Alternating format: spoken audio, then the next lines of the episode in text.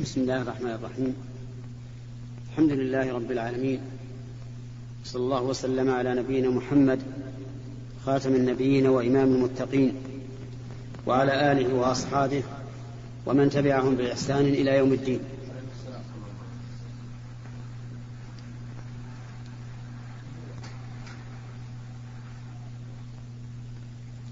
أما بعد فإننا نفتتح هذا اليوم جلساتنا بعد أن توقفنا مدة وهو الأسبوع الثالث من شهر ربيع الثاني عام ثلاثة عشر وأربعمائة وألف. هذه الجلسات المقررة في كل يوم خميس من الساعة العاشرة إلى ما قبل أذان الظهر بعشر دقائق. ونسأل الله تعالى أن يجعلها جلسات نافعة لنا ولإخواننا إنه على كل شيء قدير. هذه الجلسة نتكلم فيها على قول الله تعالى يا أيها الذين آمنوا إذا قمتم إلى الصلاة فاغسلوا وجوهكم وأيديكم إلى المرافق وامسحوا برؤوسكم وأرجلكم إلى الكعبين إلى آخر الآية. ففي هذه الآية يأمر الله عز وجل عباده المؤمنين إذا قاموا إلى الصلاة أن يغسلوا أيديهم أن يغسلوا وجوههم وأيديهم إلى المرافق ويمسحوا برؤوسهم ويغسلوا أرجلهم إلى الكعبين. واعلم أن الله سبحانه وتعالى إذا صدر الآية بقوله يا أيها الذين آمنوا فإنه إما خير تؤمر به وإما شر تنهى عنه كما قال ذلك عبد الله بن مسعود رضي الله عنه. إذا قال الله تعالى يا أيها الذين آمنوا فأرعها سمعك فإما خير تؤمر به وإما شر تنهى عنه. وهذه الآية التي نتكلم عنها الآن هي خير يأمرنا الله به. إذا قمنا إلى الصلاة. أي عزمتم على القيام إليها. فافعلوا ما ذكر. وإنما أمر الناس أن يتطهروا هذا التطهر لأنهم يقفون بين يدي الله عز وجل في صلاتهم. يناجون الله بكلامه وتسبيحه وتعظيمه ودعائه. فالصلاة روضة من رياض العبادات. فلهذا أمر الله بالطهارة عند فعلها. فقوله عز وجل أغسلوا وجوهكم قد يقول قائل أين غسل الكفين الذي يكون قبل غسل الوجه؟ والجواب أن نقول إن غسل الكفين ليس شرطا لصحة الوضوء بل هو سنة. من سنن الوضوء إن قام به الإنسان أثيب عليه وإن لم يقم به فلا حرج عليه في ذلك. وأول فروض الوضوء غسل الوجه. والوجه قال العلماء إن حده عرضا من الأذن إلى الأذن. وإن حده طولا من منحنى الجبهة. من الأعلى إلى أسفل اللحية. حتى ما نزل من اللحية يعتبر من الوجه لأنه مأخوذ من المواجهة. والإنسان يواجه غيره بكل هذا هذا الجزء من بدنه. ويدخل في غسل الوجه المضمضة والاستنشاق. وذلك لأن الأنف والفم عضوان في الوجه. فيكون غسلهما فيكون المضمضة والاستنشاق داخلا في الأمر بغسل الوجه. لأن الأنف والفم عضوان من من الوجه. وعليه فيبدأ أولا بالمضمضة والاستنشاق. ثم يغسل جميع الوجه. وقوله عز وجل وأيديكم إلى المرافق. المرافق هي المفاصل بين العضد والذراع. وسميت مرافق لأن الإنسان يرتفق بها عند الاتكاء إليها في حال الجلوس وفي حال الاضطجاع فهي مرفق يرتفق به الإنسان والمرافق داخلة في الغسل لأن النبي صلى الله عليه وآله وسلم كان يغسلها فهي داخلة. ويجب أن نعلم أن اليد تشمل من أطراف الأصابع إلى المرفق. لأن الله قال أيديكم إلى المرافق فلا بد أن يغسل من أطراف الأصابع إلى المرفق. وكثير من الناس ربما يغسل الذراع فقط دون أن يغسل الكف. إما جهلا منه أو ظنا أن غسل الكف قبل غسل الوجه كاف في ذلك ولكن يجب أن ننتبه بأنه لا بد من أن يغسل جميع اليد التي أمر الله بغسلها من أطراف الأصابع إلى المرفق.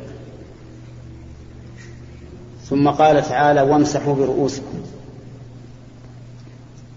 ففصل الرأس عما قبله لأن طهارته بالمسح وليست بالغسل. امسحوا برؤوسكم. والحكمة من كونه مسحا مشقة غسله لا سيما في أيام الشتاء وفيما إذا كان له شعر كثير. فإنه يشق عليه وربما يضره. فلهذا خفف تطهير الرأس فكان بالمسح. وفيه تخفيف آخر وهو أنه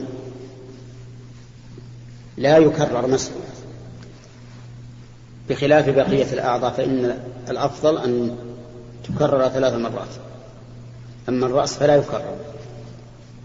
وفيه تخفيف ثالث وهو أنه يجوز أن يمسح على العمامة إذا كان على رأسه عمامة. فما دامت على رأسه فله أن يمسح سواء لبسها على طهارة أم لم يلبسها على طهارة وسواء مسحها في خلال يوم وليلة أو أكثر من ذلك. لأنه لا لا, لا, لا تحديد لها. ولا يشترط أن تلبس على طهارة لأن ظاهر السنة عدم ذلك.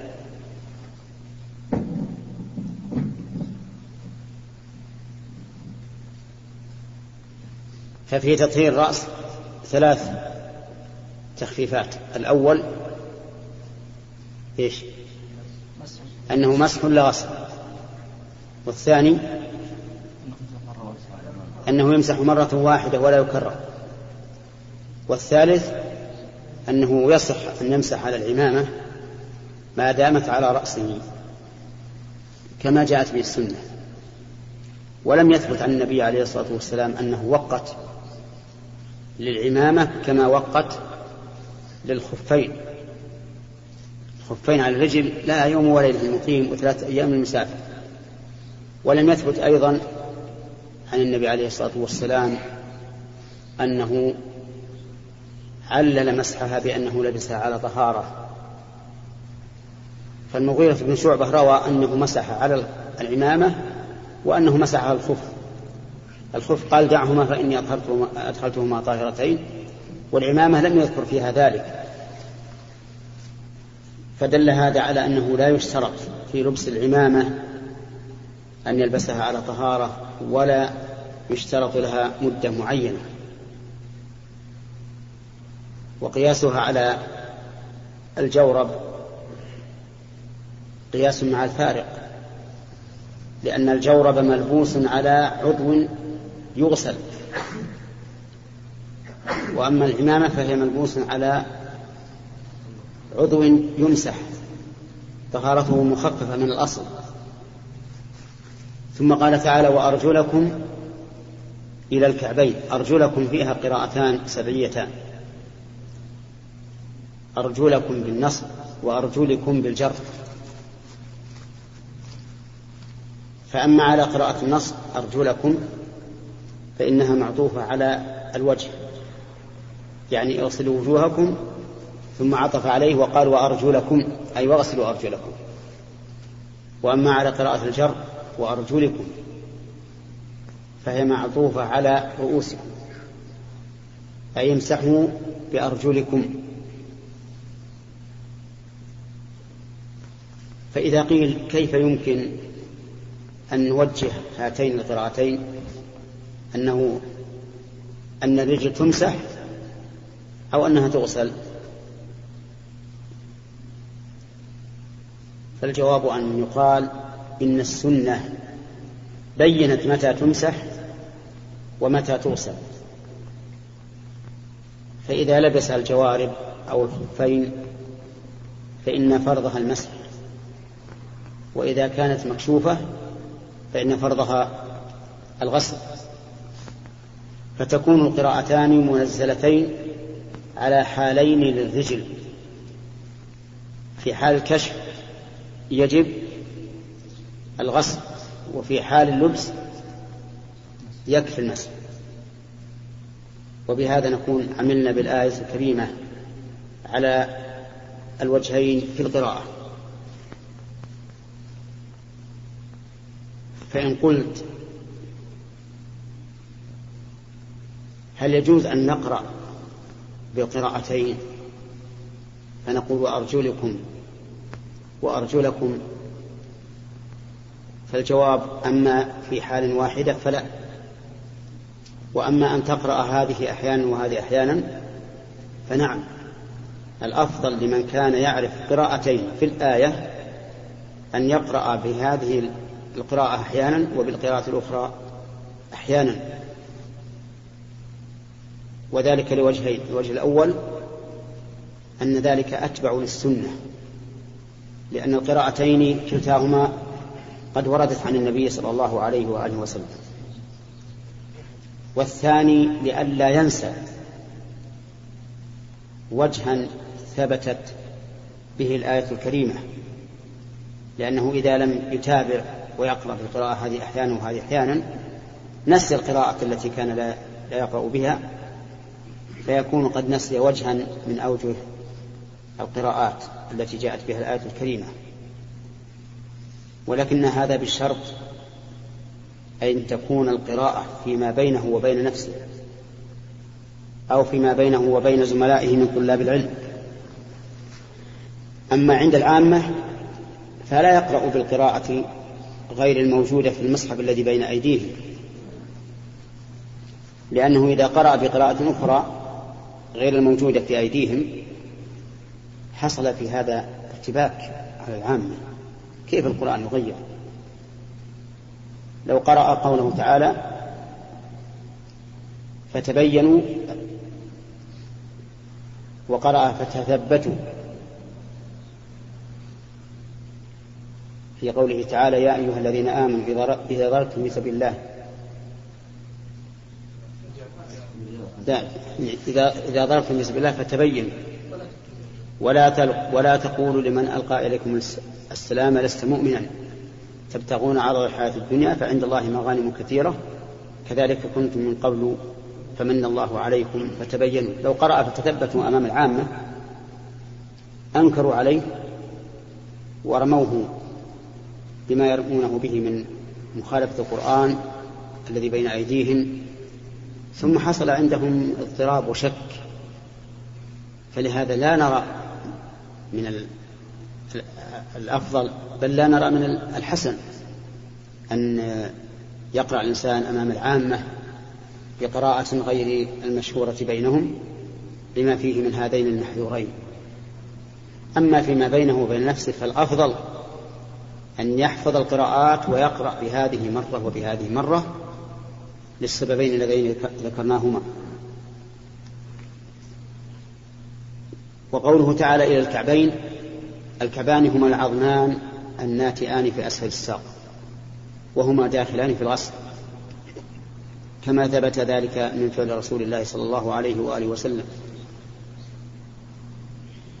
هذه صفة هذه صفة الوضوء الذي أمر الله به عند إرادة فعل الصلاة. لكن له فروض وله سنن.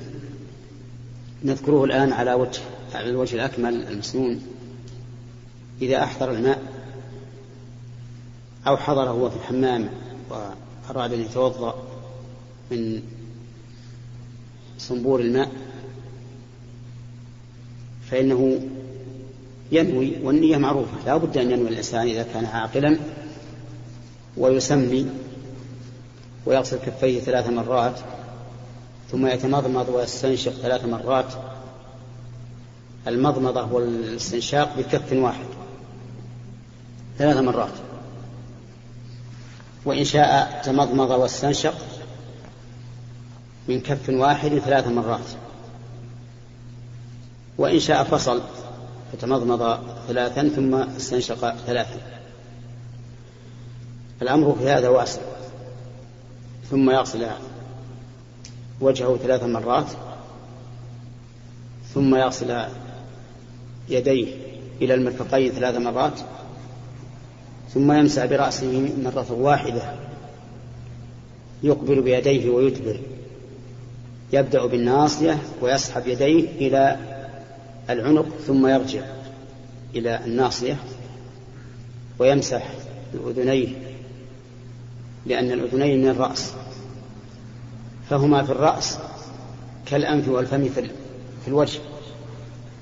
فيمسح الأذنين بإدخال السبابتين في صماخيهما ويمسح هذه إبهاميه ظاهر أذنيه. ثم يصل رجليه من أطراف الأصابع إلى الكعبين ثلاث مرات. والسنة أن يخلل أصابع أصابع اليدين وأصابع الرجلين ليتيقن دخول الماء. إلى ما بين الأصابع لا سيما أصابع الرجل لأنها متلاصقة. وبعد هذا الوضوء السابق يقول أشهد أن لا إله إلا الله وحده لا شريك له وأشهد أن محمدا عبده ورسوله. اللهم اجعلني من التوابين واجعلني من المتطهرين. فإن الإنسان إذا فعل هذا فتحت له أبواب الجنة الثمانية يدخل من أيتها شاء. وبهذا يكون قد طهر ظاهره وباطنه. أما ظاهره فبالوضوء كما سمعتم وأما باطنه فبكلمة الإخلاص شهادة أن لا إله إلا الله وأن محمدا عبده ورسوله. وسؤاله الله تعالى أن يجعله من التوابين لأن التوبة تطهير النفس من الذنوب ومن المتطهرين. أسأل الله أن يطهر قلوبنا جميعا من دنس الشرك والشك والحقد والبغضاء للمسلمين وأن يجعلنا وإياكم هداة مهتدين وصالحين مصلحين إنه جواد كريم. صلى الله وسلم على نبينا محمد وعلى آله وأصحابه ومن تبعهم بإحسان إلى يوم الدين. المسح على الإمام نعم. ذكرت أنت أنه ما هو مقيد؟ زي إيه؟ في الحالة هذه لا ينكر على من بسم الله والحمد لله والصلاة والسلام على رسول الله. ذكرتم المسح على الإمامة بارك الله فيك. نعم. فلا ينكر على من مسح الإمام في الحالة هذه. ليس لها وقت معين. الصحيح أنه ليس ليس لها وقت معين. الصحيح أن مسح العمامة ليس له وقت معين. وذلك لأنه لم يرد عن النبي عليه الصلاة والسلام. والشيء الذي لم يرد عن الرسول عليه الصلاة والسلام لا يمكن أن نقيد الأمة به. نعم. بالنسبة للعمامة هل العمامة حدثنا أو العمامة الملفوفة يا شيخ؟ لا العمامة هي الملفوفة على الرأس. اللي يصعد بفكها يعني. أي نعم. أما أما, أما الغترة والشماغ والعقال. فالأولى فهذه ما هو في الأولى يجب أن يزيلها ويمسح رأسه. يعني العمة مثل عمة الإخوان الأفغان والسودانيين. مثل الأفغان والسودانيين وغيرهم. وكذلك أيضا ما يلبسه الناس في أيام الشتاء من القبعة هذه. القبة هذه تكون شاملة للرأس كله وفيها طرق من أسفل من عند الرقبة. هذه والمسح لا حكم العمامة. والمسح على العمامة مثل المسح على الرأس يعمم أو جزء بسيط لا يكفي أكثرها. يكفي أن يمسح أكثرها. جزاك الله خير. ما ما ما, ما تمسح. الأذن تكون إن كان مكشوفة تمسح. إن كان أن العمامة قد سترتها فلا تمسح. كتابة. لا كتاب صعب مدرسة تذكر أنها تؤخذ من التلميذات فلوس وتوضع في الصندوق حق المدرسة؟ بنية أنها مساهمة في المقصف ولكن الفلوس ما تحرك من الصندوق طول العام. وآخر العام يطلعونها فلوس فإذا كان مثلا دافعت التلميذة 10 ريال يعطونا 25 على حسب المساهمات في المدرسة. لكن الفلوس دي ما تطلع من الصندوق. فهل في ذلك بأس؟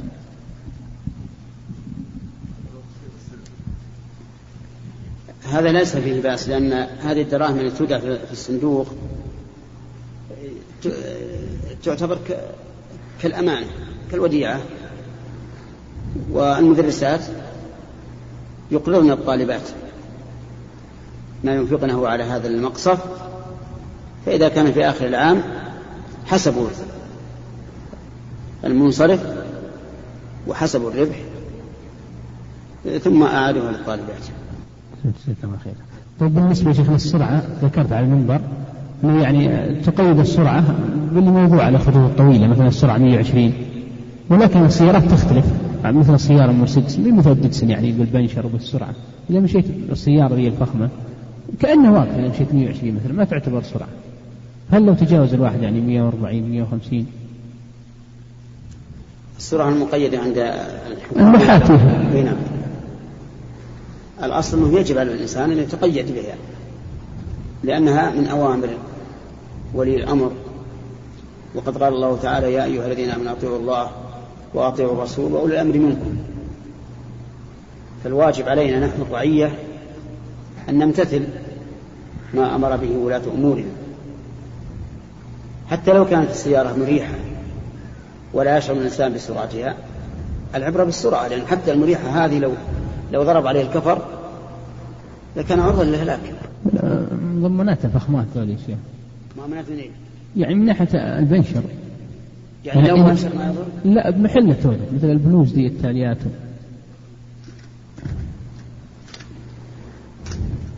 يعني حتى اللي اللي جربوا هذا عرفوا يا شيخ دائما.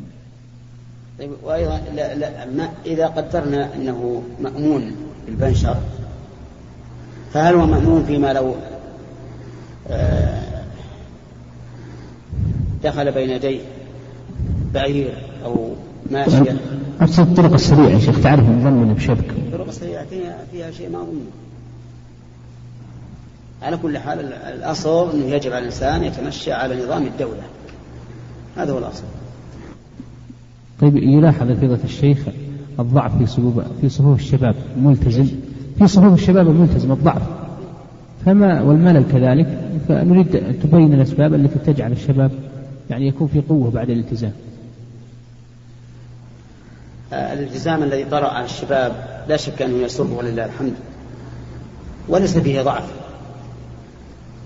بل هو والحمد لله فيه تقدم. لكن الشيطان قد يأتي للإنسان الملتزم فيثبطه. يثبطه عن فعل الخير. أو يعده بفعل الشر بأن الله يغفر له وما أشبه ذلك. والواجب على الإنسان أن يخلص القصد والنية لله عز وجل. ومن طلب العلا سهر الليالي. فإذا كان يقصد وجه الله والدار الآخرة فإنه كلما رأى الفتور على نفسه جدد هذه النية حتى يستمر على نشاطه. هذا واحد. السبب الثاني أن يحرص على مصاحبة الإخوان الذين ينشطون على طاعة الله. فإن الجليس الصالح كما وصفه النبي عليه الصلاة والسلام كحامل المسك إما أن يبيعك أو يحذيك أو تجد منه رائحة طيبة. ثالثا أن لا يكون عند الالتزام مندفعا أكثر مما ينبغي. لأنه إذا اندفع أكثر مما ينبغي وحمل نفسه ما لا يجب تعب ومل. لكن إذا إذا التزم بانتظام وتمشى على ما تقتضيه الشريعة فإن الغالب مع فعل بقية الأسباب أن لا يمل. الرابع أن لا يتضجر. تضجرا يصده عن طاعة الله مما يشاهد في مجتمعه.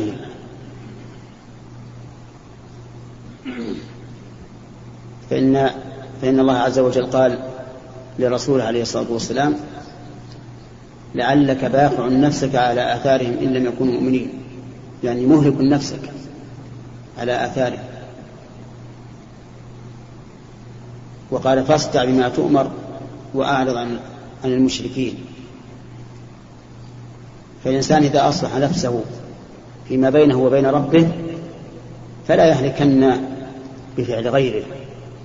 يدعو إلى الله ويسأل الله لهم الهداية ويعلم أنه ما من حساب من عليه شيء وما من حسابه عليه من شيء.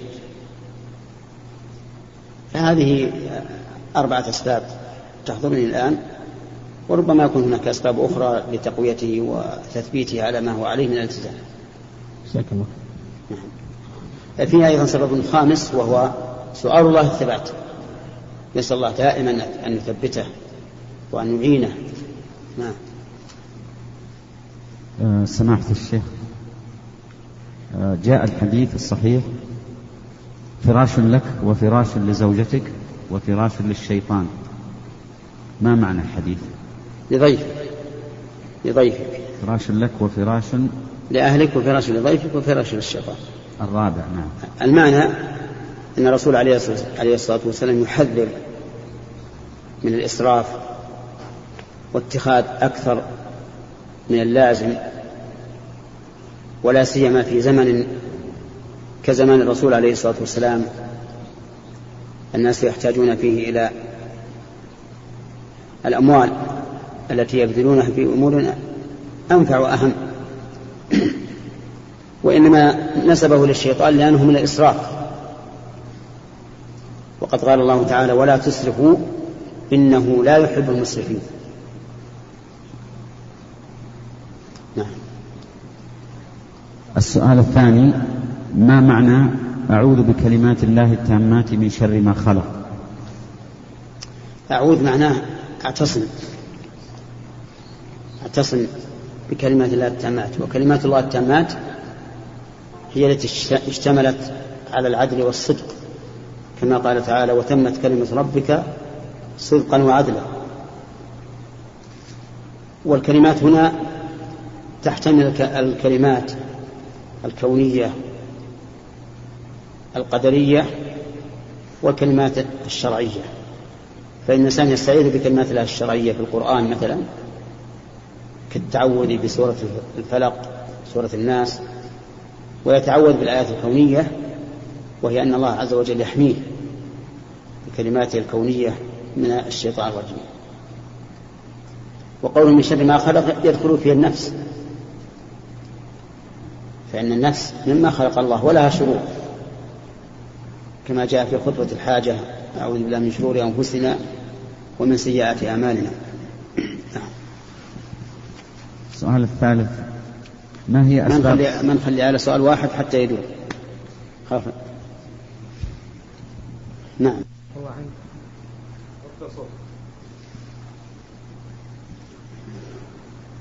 نعم. بعض الناس بعض العامة إذا أنكر عليه الاختلاط أو مصافحة قريباته غير المحارم يولد شبهة يقول يا محمد حطيته بعض العامة إذا أنكر عليه الاختلاط أو مصافحة بعض قريباته غير المحارم يولد شبهة يقول لو أن لو أن زوجة جاري كانت مريضة هل أترك جاري غايب وليس عنده محارم هل أتركها كذا؟ يعني ما أخذها الطبيب يعني لا شك أن ال- الاختلاط بالنساء ومصافحتهن وهن من غير المحارم لا يجوز والخلوة أشد وأعظم. لكن عند الضرورة تختلف الأحكام. قال الله تعالى وقد فصل لكم ما حرم عليكم إلا ما اضطررتم إليه. فإذا كانت امرأة جاري مضطرة إلى أن أكلمها وأدخل عليها لنقلها إلى الطبيب وما أشبه ذلك فلا بأس به مع أمن الفتنة هنا يا شيخ. نعم. إذا كان عنده زوجة يستعين بها حتى تزول الخلوة. نعم. صدق. شيخ بالنسبة الآن للرافضة. ها؟ بالنسبة للرافضة يا شيخ الآن موجودون يعني في الشمال عندنا بكثرة خاصة يعني من خلال التدريس انتشار يعني المدرسين الرافضة. حتى الآن يعني عندنا في نذكر المدينة يا شيخ في الحفر آه، يعني أتى تسع مدرسين من الرافضة. فهل تصدرون الشيخ يعني فتوى يعني عليهم أو تحذرون العامة منهم؟ وهل تنصحون الشيخ بالخطبة عنهم في على المنابر؟ ثابت الله شيخ. أما الفتوى فيهم فلا تصدر مني تصدر من دار الإفتاء لأنها هي الجهة المسؤولة. وأما ما يتعلق بالتدريس فيجب أن يقول أن يقول الإنسان الحق. سواء كان له أو عليه. فإذا ظهر منهم الدعوة إلى خلاف مذهب السلف الصالح فإنه يجب أن يمنعوا من إظهار هذه البدعة وأن يناظروا عليها. ومعلوم أنه إذا نظرهم هم أو غيرهم من أهل البدع من عنده علم بالسنة وطريقة السلف معلوم أنهم سوف يعجزون عن مقاومة الحق. لأن الله تعالى قال بل نقذف بالحق على الباطل فيدمغه فإذا هو زاهق ولكم ويل مما تصفون. أما إذا كان تدريسهم في أشياء لا تمت إلى العقيدة بصلة إنما هو في أمور حسابية أو أمور أدبية أو لغوية ولم يتعرضوا لما يتعلق بالعقيدة فلا, فلا, فلا بأس بذلك. ولكن لا بد من ولكن لا بد من أن يتأمل الإنسان خطر أهل البدع مطلقا حتى لا تنتشر البدع بين شبابنا. نعم. شيخ سؤال بعد عن الرافضة. يعني عندنا هناك اللاجئين ينزلون الأسواق يصلون في المساجد. هل يجوز أن نطردهم من المساجد؟ رغم أن في الجيش أحيانا يمنعون. أحيانا إيش؟ الجيش يعني الذي الذي معهم. يعني يمنعون أحيانا إذا طردناهم خرجناهم من المسجد. أنا لا أرى أن يطردوا أن يطردوا من المسجد بل يتركون ويصلون لعل الله يهديهم. لا هم إذا دخلوا المساجد فيما أعرف يصلون مع الناس. نعم. إذا إذا يمنعون من الصلاة خلفهم خلف الناس ويقال صلوا مع الناس.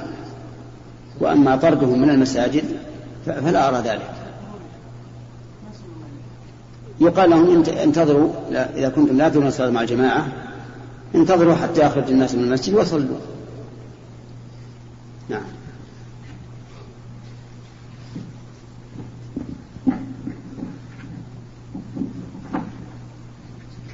ما في محاولة أنكم أنكم تدعونهم للحق. مو على سبيل الجماعي. سبيل الجماعي يمكن ما ما حصل فيه فائدة لكن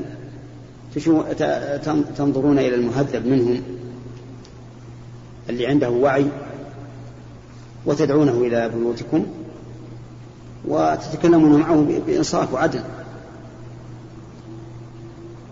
نعم. نعم. بسم الله الرحمن الرحيم. فضيلة الشيخ إمام مسجد وأحيانا يكون عنده ارتباط فيترك المسجد ويوكل عليه شخص موثوق. فهل عليه شيء وهل المال حلال أم لا؟ ثم أقول إن المال الذي نحصل عليه مكافأة وليس مقابل للصلاة.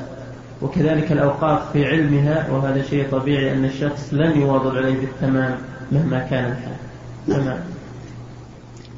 إذا كان إنسان الإمام يعرف من نفسه أنه لا يستطيع القيام بواجب الإمامة لكونه صاحب أسفار وشغل فإنه لا يحل له أصلا أن يرتسم في هذا في هذا المسجد. أما إذا كان يعلم أنه سيقوم بالواجب ويواظب على الصلوات ولكن حدث له حادث من شغل أو غيره وذهب إليه وأناب من فيه الكفاية فلا بأس لأن هذا شيء عارض والمكافأة التي يأخذها حلال له وهي تسمى عند العلماء رزق رزقا من بيت المال وليست بأجرة على الصلاة. لو كانت أجرة على الصلاة لكان لكان صلاته وإمامته بأجرة. وقد سئل الإمام أحمد رحمه الله عن شخص قال لا أصلي لكم في رمضان إلا بكذا وكذا. يعني كلموه أن يقوم بهم في رمضان. فقال لا أقوم بكم إلا بكذا وكذا فقال رحمه الله نعوذ بالله. من يصلي خلف هذا؟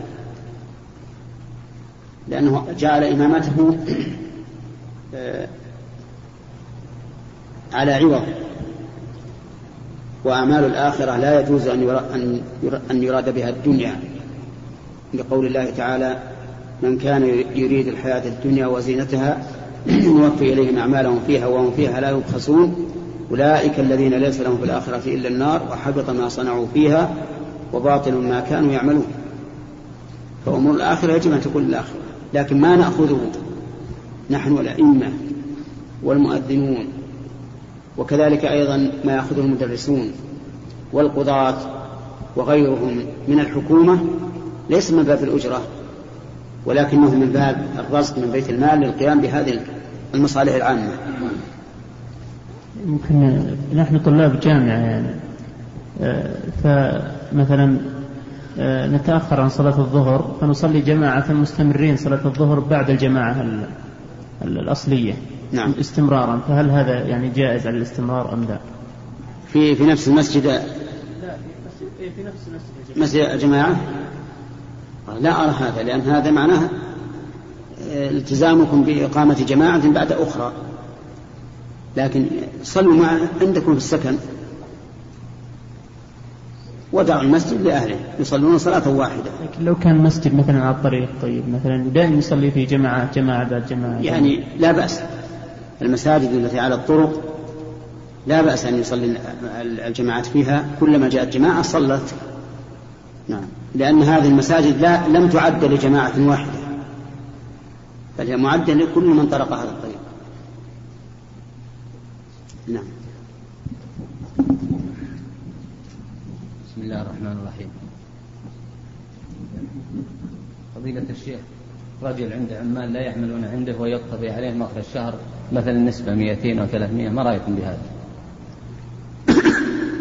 آه، قضية العمال يجب أن يتمشى الإنسان فيها على نظام الدولة وحسب علمي أن الدولة لا تسمح بالنسبة وإنما أذنت بأجرة مقطوعة للعامل لكن الكفلاء يشتكون من هذه الأجرة المقطوعة. يقولون إن العامل لا يهتم ولا يقوم بما يلزمه من الشغل لأنه يعرف أن أن راتبه مضمون بكل حال ولا يهتم. ولكن نقول يمكن أن تجعل له شيئا معلوما على كل عمل ينتجه. فإذا كان خياطا تقول لك على كل ثوب خمسة ريالات عشرة ريالات حسب ما تتفقان ما تتفقان عليه. لا أنا طال عمرك. خليك معي اصبر. اصبر اصبر. أقول اصبر انتظر. وإذا كان بناء تقول لك على كل متر كذا وكذا. إذا كان سباكا كذلك كهربائيا كذلك. ففي هذه الحال ينشط.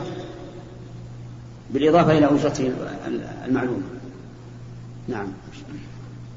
طيب آه، وإذا كانوا كفار مثلا هل يجوز أن تحت كفالة المسلم ولا لا؟ هل إيش؟ إذا كانوا كفار وثنيين أو مسيحية وكذا إذا كانوا كفارا فمعلوم أن الكفار إذا إذا دخلوا للعمل فقط لا للسكنى فلا بأس لكن المسلم خير منهم. قال الله تبارك وتعالى ولعبد مؤمن خير من مشرك ولو أعجبكم. وقال تعالى ولا أمة مؤمنة خير من مشركة ولو أعجبتكم.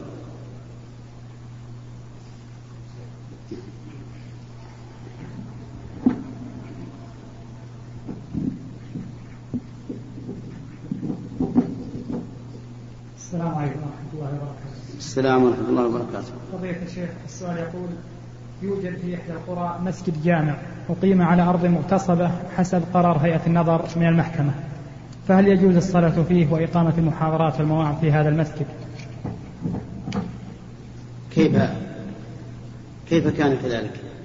الأرض في إحدى القرى ها نعم. أقام عليها مجموعة مسجد جامع فاحتج صاحب الأرض لأن الأرض ملكه يعني صار نزاع على الأرض أنه ملك الشخص هذا وأنه ملك الشخص هذا خرجت هيئة النظر من المحكمة وأقرت أن الأرض تبع ملك المدعي فهل تجوز الصلاة فيه؟ مثل هذه الحال إذا ثبتت إذا ثبتت نعم. أنها لفلان وقد بني المسجد. نعم. فالذي أرى أن يصالح صاحب الأرض بأن تقدر قيمة أرضه ويعطى إياه. ولا يمكن أن يهدم المسجد بعد أن بني وأنفق عليه النفقات الباهرة. نعم. فالواجب أن هذا الرجل لما ثبتت الأرض له أن يصالح من قبل المحسنين إلى الآن القضية ما انتهت. قضية لها ثمان سنوات تقريبا.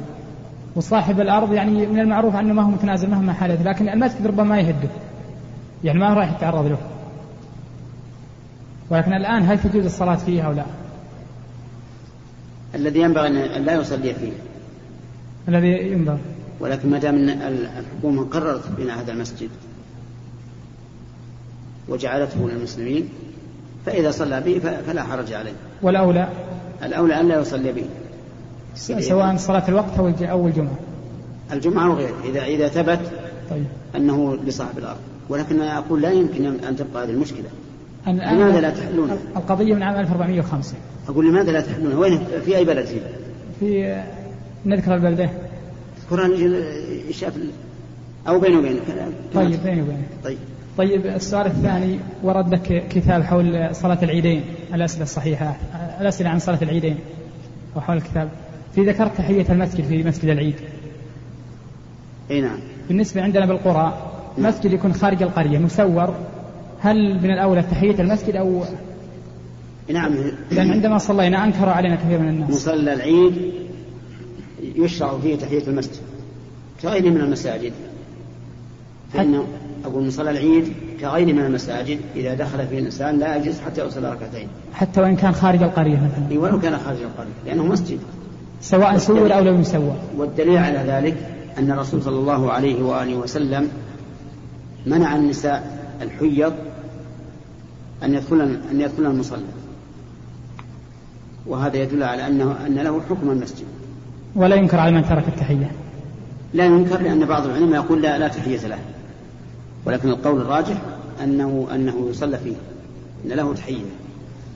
طيب لو سمحت السؤال الثالث الأخير بالنسبة لبعض الأشخاص يستغل اسم غيره في إقامة أو فتح مؤسسة تجارية. هو مثلا أحد الموظفين في الدولة. نعرف قرار الدولة يمنع مثلا أن الموظف يفتح محل تجاري. هل يجوز هذا أو لا؟ أسألك هل هذا كذب أو صدق؟ هل كذب؟ طيب. هل الكذب جائز؟ لا ما هو جاهز ولكن يعني الآن الملاحظ أنا بيجي يعني لا من الملاحظة أن تسأل من المستحب. أن تسأل الآن. نعم. طيب إذا كان لا يجوز من المستحب يعني لو أصدر فتوى في هذا الشيء؟